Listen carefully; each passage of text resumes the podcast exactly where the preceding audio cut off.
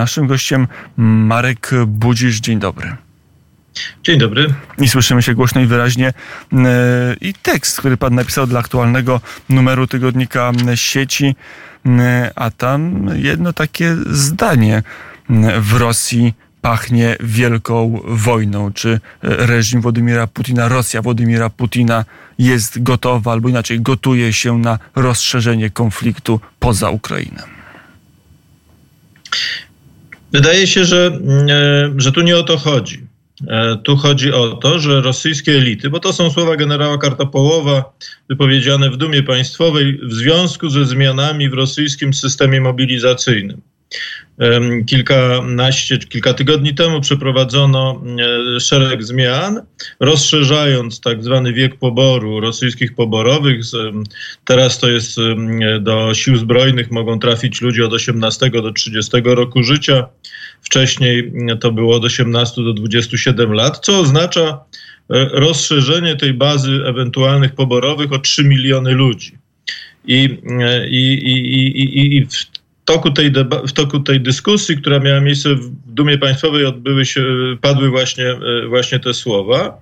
Trzeba pamiętać, że Rosja mm, e, po pierwsze już w grudniu ubiegłego roku ogłosiła decyzję o rozbudowie swojego potencjału wojskowego do poziomu kadrowego półtora miliona, miliona żołnierzy. Przed wojną na Ukrainie to było 900 tysięcy, jak się szacowało, realnie pewnie mniej żołnierzy. Czyli po pierwsze, Rosja chce rozbudowywać swoje siły zbrojne, po drugie, zmienia ustawodawstwo po to, żeby uszczelnić ten system poboru, usprawnić go i być w stanie więcej osób do wojska powołać. Po trzecie, rozbudowuje swoją bazę przemysłową po to, żeby, ta, żeby ten przemysł był w stanie tą większą armię odpowiednio zaopatrzyć.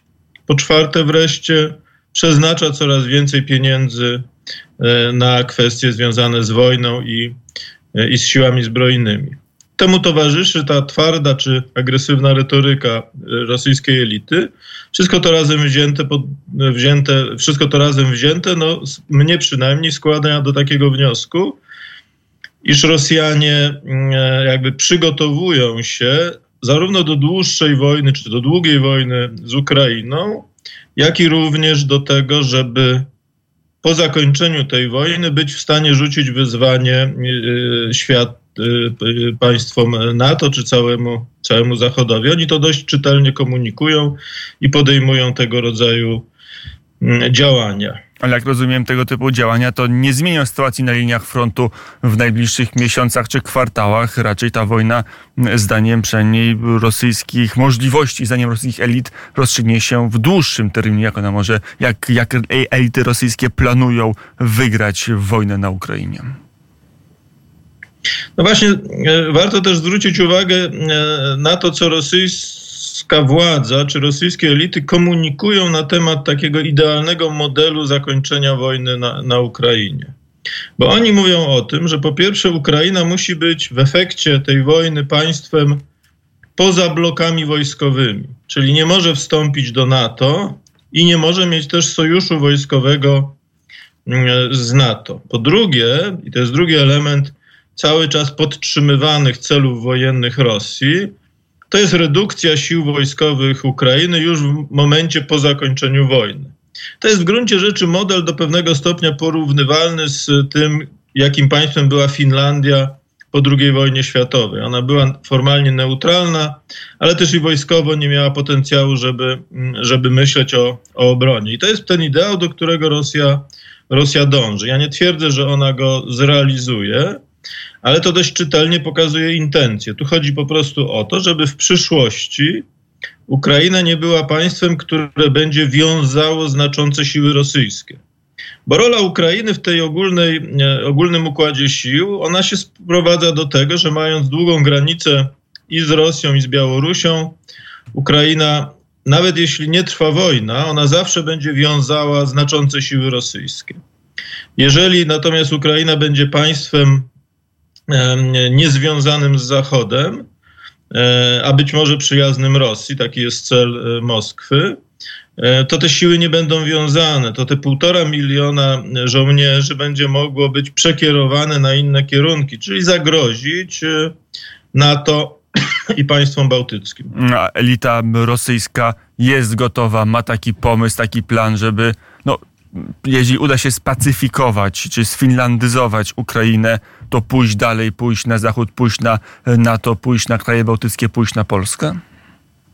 No, pójść to jest może zbyt daleko już powiedziane. Rosyjskie władze, mówił o tym wielokrotnie już w czasie wojny Władimir Putin, ale też i minister Ławrow, też i rosyjscy eksperci podtrzymują te cele wojenne, które Putin ogłosił 20, w, w grudniu roku 2021. Tam między innymi on zaproponował no, zmianę statusu bezpieczeństwa całej Europy Środkowej, przekształcenie tego obszaru, w tym i Polski, taki, w taki, w taki obszar o upośledzonym systemie bezpieczeństwa, bo on zażądał wycofania sił natowskich i instalacji natowskich z państw, które weszły do NATO po roku 1997. I z tego celu długofalowego, celu politycznego, Rosja nie rezygnuje, znaczy nie ma żadnych deklaracji rosyjskich władz, iż oni zrewidowali swój pogląd w tym zakresie, a wręcz przeciwnie, potwierdzają co róż, że, że będą do tego dążyć. Tym bardziej, że Ros Moskwa e, podtrzymuje tę narrację, mówiącą o tym, że w gruncie rzeczy ona nie walczy z Ukrainą, tylko walczy z całym Zachodem. To jest wojna z Zachodem, która jest toczona na Ukrainie. Ale, ale to nie jest wojna między Rosją a, a Ukrainą. To, to dość czytelny komunikat e, ze strony rosyjskiej władzy. W związku z tym ja bym nie był optymistą. Znaczy nie ma żadnych, e, nie ma żadnych dzisiaj przesłanek, aby twierdzić, iż Rosjanie zrewidują te swoje dążenia geostrategiczne. A co więcej, jest bardzo wiele argumentów na to, że oni dążą do roz, budowy swojego potencjału wojskowego, zarówno po to, żeby kontynuować wojnę na Ukrainie, jak i po to, żeby po zakończeniu wojny móc zagrozić państwom wschodniej flanki NATO. No dobrze, ale czym zagrożą, jeżeli gro rosyjskiego sprzętu leży spalonych albo zdobytych, albo w inny sposób zniszczonych i unieszkodliwionych na polach bitew Ukrainy, same tylko udokumentowane straty, takie, że jest film albo zdjęcie straty w siłach pancernych, zresztą w swoim tekście pan o tym pisze, e, to jest grubo ponad 2000 czołgów różnych typów. No zgoda, tylko że pamiętajmy o tym, iż e, e, trwa dyskusja w środowisku eksperckim, na ile Rosjanie są w stanie odbudowywać ten swój potencjał.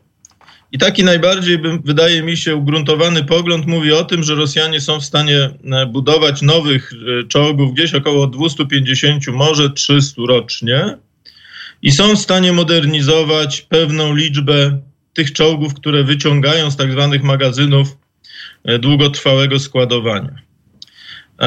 Dlaczego tu kwestia czołgów jest ważna? Dlatego, że jeśli chodzi o ten, ten sprzęt pancerny, to straty rosyjskie są największe. No, są eksperci, którzy mówią, że Rosjanie stracili już 50% swojego potencjału.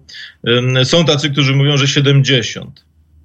E, mm, w innych e, domenach, w zakresie sprzętu artyleryjskiego, walki radioelektronicznej czy lotnictwa, no te straty rosyjskie są znacznie, znacznie mniejsze. Sprzętu, który jest nie mniej znaczący. Nawet można powiedzieć, że artyleria w tej chwili jest e, bardziej znacząca niż siły pancerne na polach bitew.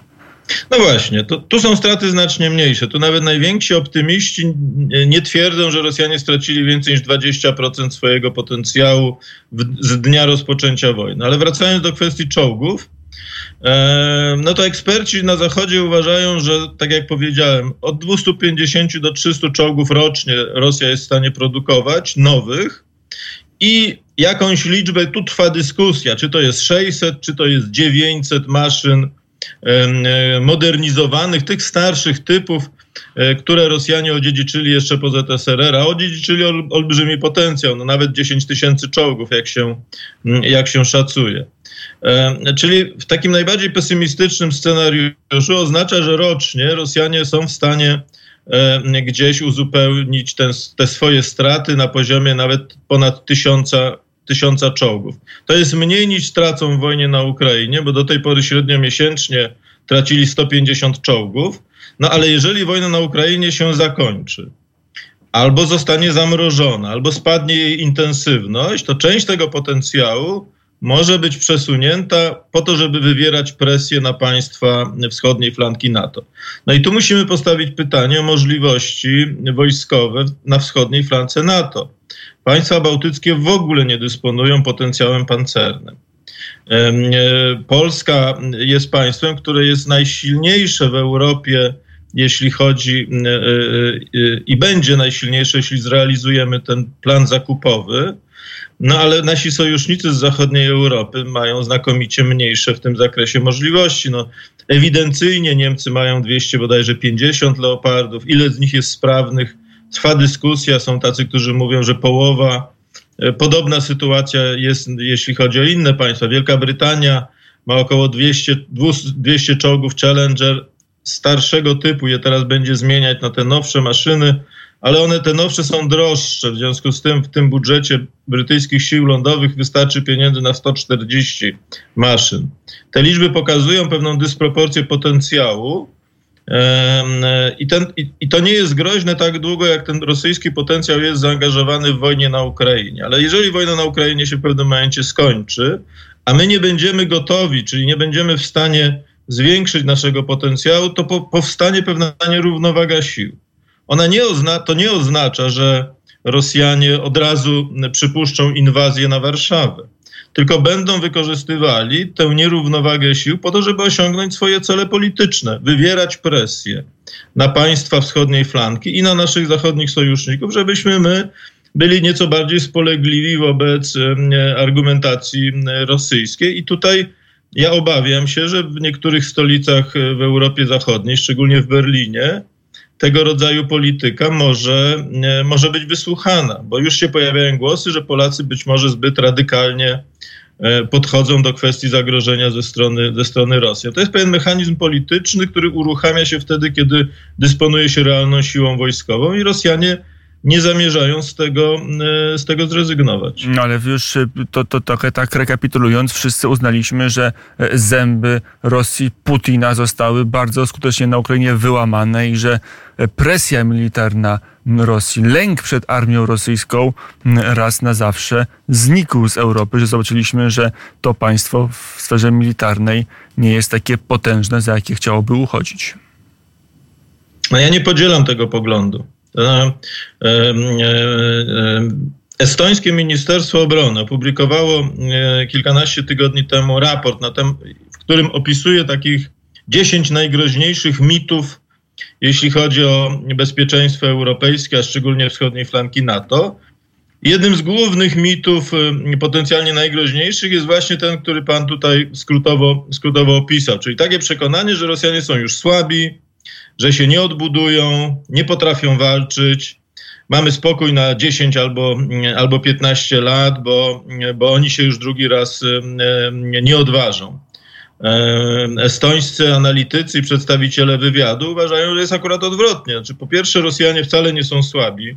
Po drugie, i to potwierdzają właściwie wszystkie opinie ekspertów wojskowych, którzy też jeżdżą na Ukrainę i obserwują to na, na, na miejscu, że Rosjanie sporo się nauczyli e, w toku tej wojny, to nie jest tak, że mamy do czynienia z tą samą armią. Oni mają duże straty osobowe, to jest jasne. Generałowie, nie? oficerowie, podoficerowie, przecież też tam Zgoda, ale ci, którzy przeżyją, ci, którzy przeżyją tę wojnę, to już będą innymi ludźmi, inaczej myślącymi, lepiej przygotowanymi, z większym doświadczeniem. W związku z tym, w sensie pewnej sprawności wojskowej, Rosjanie wyjdą z wojny na Ukrainie, mając lepiej przygotowane kadry wojskowe niźli, niźli przed wojną. Jeżeli będą w stanie to relatywnie szybko uzupełnić świeżym poborem, a właśnie po to zmieniają e, e, infrastrukturę prawną, uszczelniają system, żeby być w stanie szybko to zrobić.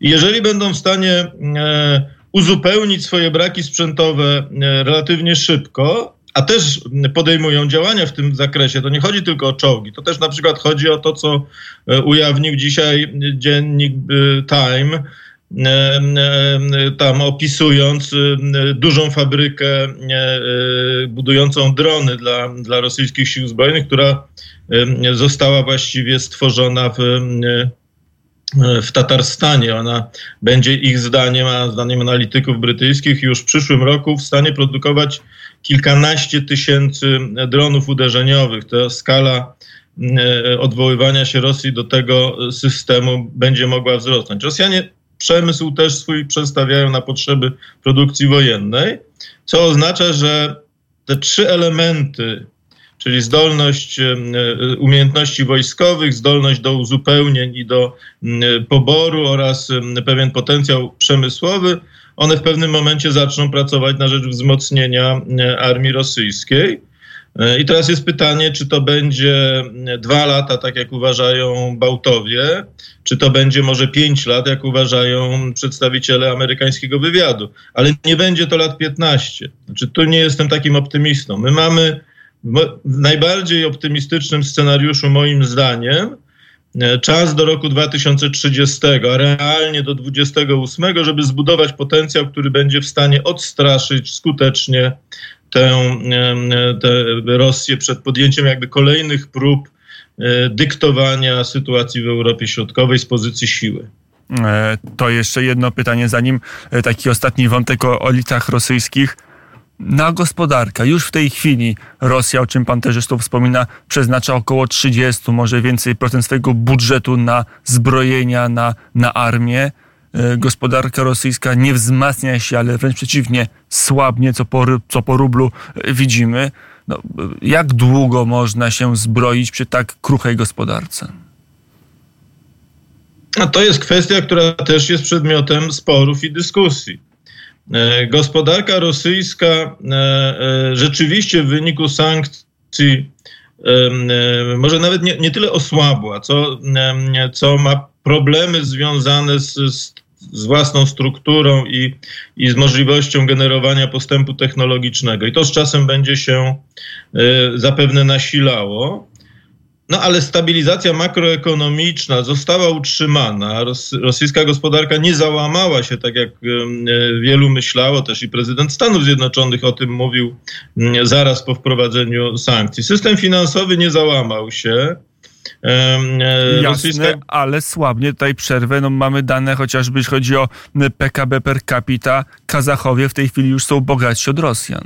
A przecież... Ale to nie jest ale dla rosyjskiej władzy kwestia, czy e, obywatele Rosji będą żyli w dobrobycie, wydaje się nie być priorytetowa, tak to delikatnie ujmę. No jasne, ale to I... pokazuje pewną moc gospodarki. Zgoda, ale moc gospodarki na prowadzenie ograniczonej wojny, czy to na Ukrainie, czy wywieranie presji wojskowej na państwa bałtyckie, Polskę i, i, Finlandię. My nie mówimy o wojnie światowej, my nie mówimy o zdolności Federacji Rosyjskiej do prowadzenia równorzędnej wojny ze Stanami Zjednoczonymi, bo na to Federacja Rosyjska nie ma zdolności i nie ma, i nie ma siły. My mówimy o potencjale, który e, e, bo Rosja, że tak powiem, jej znaczenie y, ulega, ulegając zmniejszeniu, Rosja staje się mocarstwem regionalnym. I w związku z tym mówimy o pewnych zdolnościach działania Rosji w, w obszarze regionalnym, w naszym regionie. E, to NATO Rosja ma jeszcze wystarczająco duży, duży potencjał. I moglibyśmy się przerzucać tymi danymi. Pan mówi, gospodarka rosyjska słabnie, a według ostatnich danych Banku Światowego w przyszłym roku będzie rosła i odzyska swój poziom z roku 2021, jeśli chodzi o PKB. Według innych danych, według parytetu siły nabywczej, rosyjskie PKB liczone na głowę już jest wyższe niż niemieckie te dane są, te dane są e, e, nie tyle zmienne, co one pokazują sytuację z różnych perspektyw. I nawet jeżeli zgodzimy się, że siła rosyjska słabnie, to jeszcze ten potencjał jest na tyle wystarczający i potencjał ludnościowy, i potencjał ekonomiczny, i finansowy, i przemysłowy, żeby zagrozić państwom naszego regionu. A, I nie mówimy tu o perspektywie nie, y, co będzie za lat 20, tylko co będzie za lat 2 lub 3. Zapewniam pana, że Rosji wystarczy zasobów, żeby być groźnym państwem w takiej, w takiej perspektywie czasu. Mm, też jeden wątek, co z, tą, mm, z tym potencjałem grożenia zrobić. Pisze pan o e, pewnej pewnym podziale w elicie na Kremlu, na starych i młodych. E, na czym ten podział polega i, i czym się te dwie grupy różnią w kontekście mm, ekspansywnej, imperialnej polityki Kremla? Wydaje mi się, że one nie różnią się co do jednego. To znaczy, nie różnią się co do tego, że Rosja musi wojnę na Ukrainie wygrać i w konsekwencji e, jest skazana na pewną zbrojną, a może nawet wojenną rywalizację e, z blokiem Zachodu. I nie różnią się co do tego, że ten czas rywalizacji to może być najbliższe 15, a, być, a, a może nawet 20 lat. Oni uważają, że tyle też Rosja wytrzyma, że ma większą odporność, społeczeństwo rosyjskie jest przygotowane na wyrzeczenia, skonsolidowane, popiera swoją władzę. Nawet jeśli my nie podzielamy tego punktu widzenia, to oni uprawiają politykę, bo tak e, myślą i na razie nie ma przesłanek, ażeby ten pogląd zakwestionować, a przynajmniej nie ma silnych przesłanek. E, różnice między tymi, nazwijmy to młodymi, a starymi, one polegają na tym, że ci młodzi E, to są tacy, powiedziałbym, imperialni technokraci. Oni mianowicie chcieliby usprawnienia państwa rosyjskiego, tego, żeby ono lepiej funkcjonowało, e, właśnie po to, żeby było w stanie generować większe siły, większe zasoby i szybciej wygrać wojnę na Ukrainie. Znaczy, zarzut, który oni czynią e, starej elicie władzy, pośrednio Putinowi, E, sprowadza się w gruncie rzeczy do tego, że Rosja e, nie, nie, nie została dobrze przygotowana do wojny na Ukrainie i w efekcie w tej wojnie utknęła, zamiast ją szybko wygrać. E, no i teraz oni z tego wyciągają wniosek, że trzeba przygotować się do, do kolejnej wojny, do zwycięstwa w tej i do kolejnej i będzie to możliwe tylko wtedy, kiedy rosyjski organizm gospodarczy zostanie zmodernizowany. To jest taka, ja bym to określił mianem wojennej modernizacji. Oni uważają, że przygotowując się do, do, do dużej wojny, czy, czy, czy budując, czy odbudowując swoje siły, można zmodernizować rosyjskie, rosyjską gospodarkę, a przynajmniej zaradzić tym podstawowym bolączkom, czyli transferowi kapitału za granicę, korupcji, no, marnotrawstwie Wszystko fajnie, to rozumiem ideę, tylko że czy ją się da zrealizować w Rosji Putina, która jest na złodziejstwie, na korupcji, na wyprowadzaniu majątku za granicę zbudowana. Znaczy, żeby taki pomysł realizować, to trzeba byłoby e, Putina i całą jego elitę wysadzić w polityczny kosmos, albo też fizyczny. To jest też kwestia pewnych dyskusji czy spekulacji, dlatego że e, według mojej oceny system władzy w Rosji nie jest system, systemem rywalizacyjnym, ale systemem kooptacyjnym. To znaczy buduje się pewien e, kompromisowy punkt widzenia. Już, sam, już samo przedstawienie takiego, bym powiedział, poglądu wpływa na ogólny kierunek polityki państwowej, no bo w ramach tego, tego poszukiwania wspólne, wspólnego spojrzenia przesuwają się, przesuwają się akcenty. E, w związku z tym to nie musi oznaczać radykalnej zmiany, to może oznaczać pewną korektę. Że będą mniej Pytanie kraść, jest... że Putin będzie kradł mniej, jego się też będzie mniej e, kradło i mniejsza będzie korupcja. Nie, no na przykład, że się nie będzie miliardów dolarów transferowało do banków zachodnich, tylko te pieniądze będzie się inwestowało e, w sektor zaawansowanych technologii, nie wiem, dronowych czy sztucznej inteligencji, co ma poprawić rosyjską pozycję konkurencyjną, ale jednocześnie też zwiększyć możliwości prowadzenia, kontynuowania wojny e, czy wygrania kolejnej. Tu nie chodzi o to, żeby, żeby nie kraść, e, bo ten kapitał oligarchiczny ma być e, wprzężony w wysiłek państwa, a ten wysiłek państwa ma być obliczony na zbudowanie silniejszych sił zbrojnych, większych większych możliwości. Tu chodzi raczej o taką koordynację między tymi grupami wpływów, oligarchami, którzy do tej pory część swoich kapitałów przeznaczali na luksusową konsumpcję, a teraz będą konsumować w Rosji i inwestując we wskazane segmenty gospodarcze, przyczyniać się do zwiększania rosyjskich e, możliwości wojskowych, też na tym zarabiając, to jest jasne. Więc oni nie będą stratni, oni będą na tym zarabiać, tylko że Inaczej będą, tak powiem, mówię, mówię o pewnym założeniu czy o pewnym planie. Z realizacją może być różnie, ale, no, ale takie są intencje. Chodzi o to, żeby zwielokrotnić wysiłek całego państwa. Dlatego w Rosji już właściwie od początku wojny mówi się, że jednym z bardzo pozytywnych skutków wojny na Ukrainie jest to, że następuje unarodowienie elit. To znaczy ta kosmopolityczna elita, która zarabiała na rosyjskiej ropie czy, czy rosyjskich surowcach, a wydawała w Monako, czy w Londynie, czy w Stanach Zjednoczonych. Część tych oczywiście oligarchów e, zostanie tam, gdzie była, ale większa część wróci do Rosji i będzie pracowała na rzecz Rosji. I ich kapitały będą pracowały na rzecz Rosji, a nie leżały w bankach w Szwajcarii czy, mm, czy w Stanach Zjednoczonych.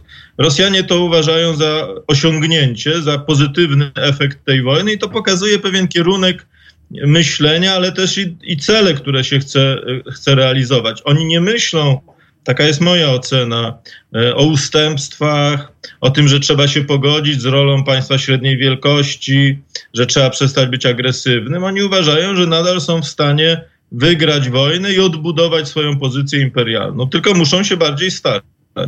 O tym e, mówił Marek Budzisz. Dziękuję bardzo panie redaktorze za rozmowę. Dziękuję bardzo. I za analizę. Do zobaczenia, do usłyszenia.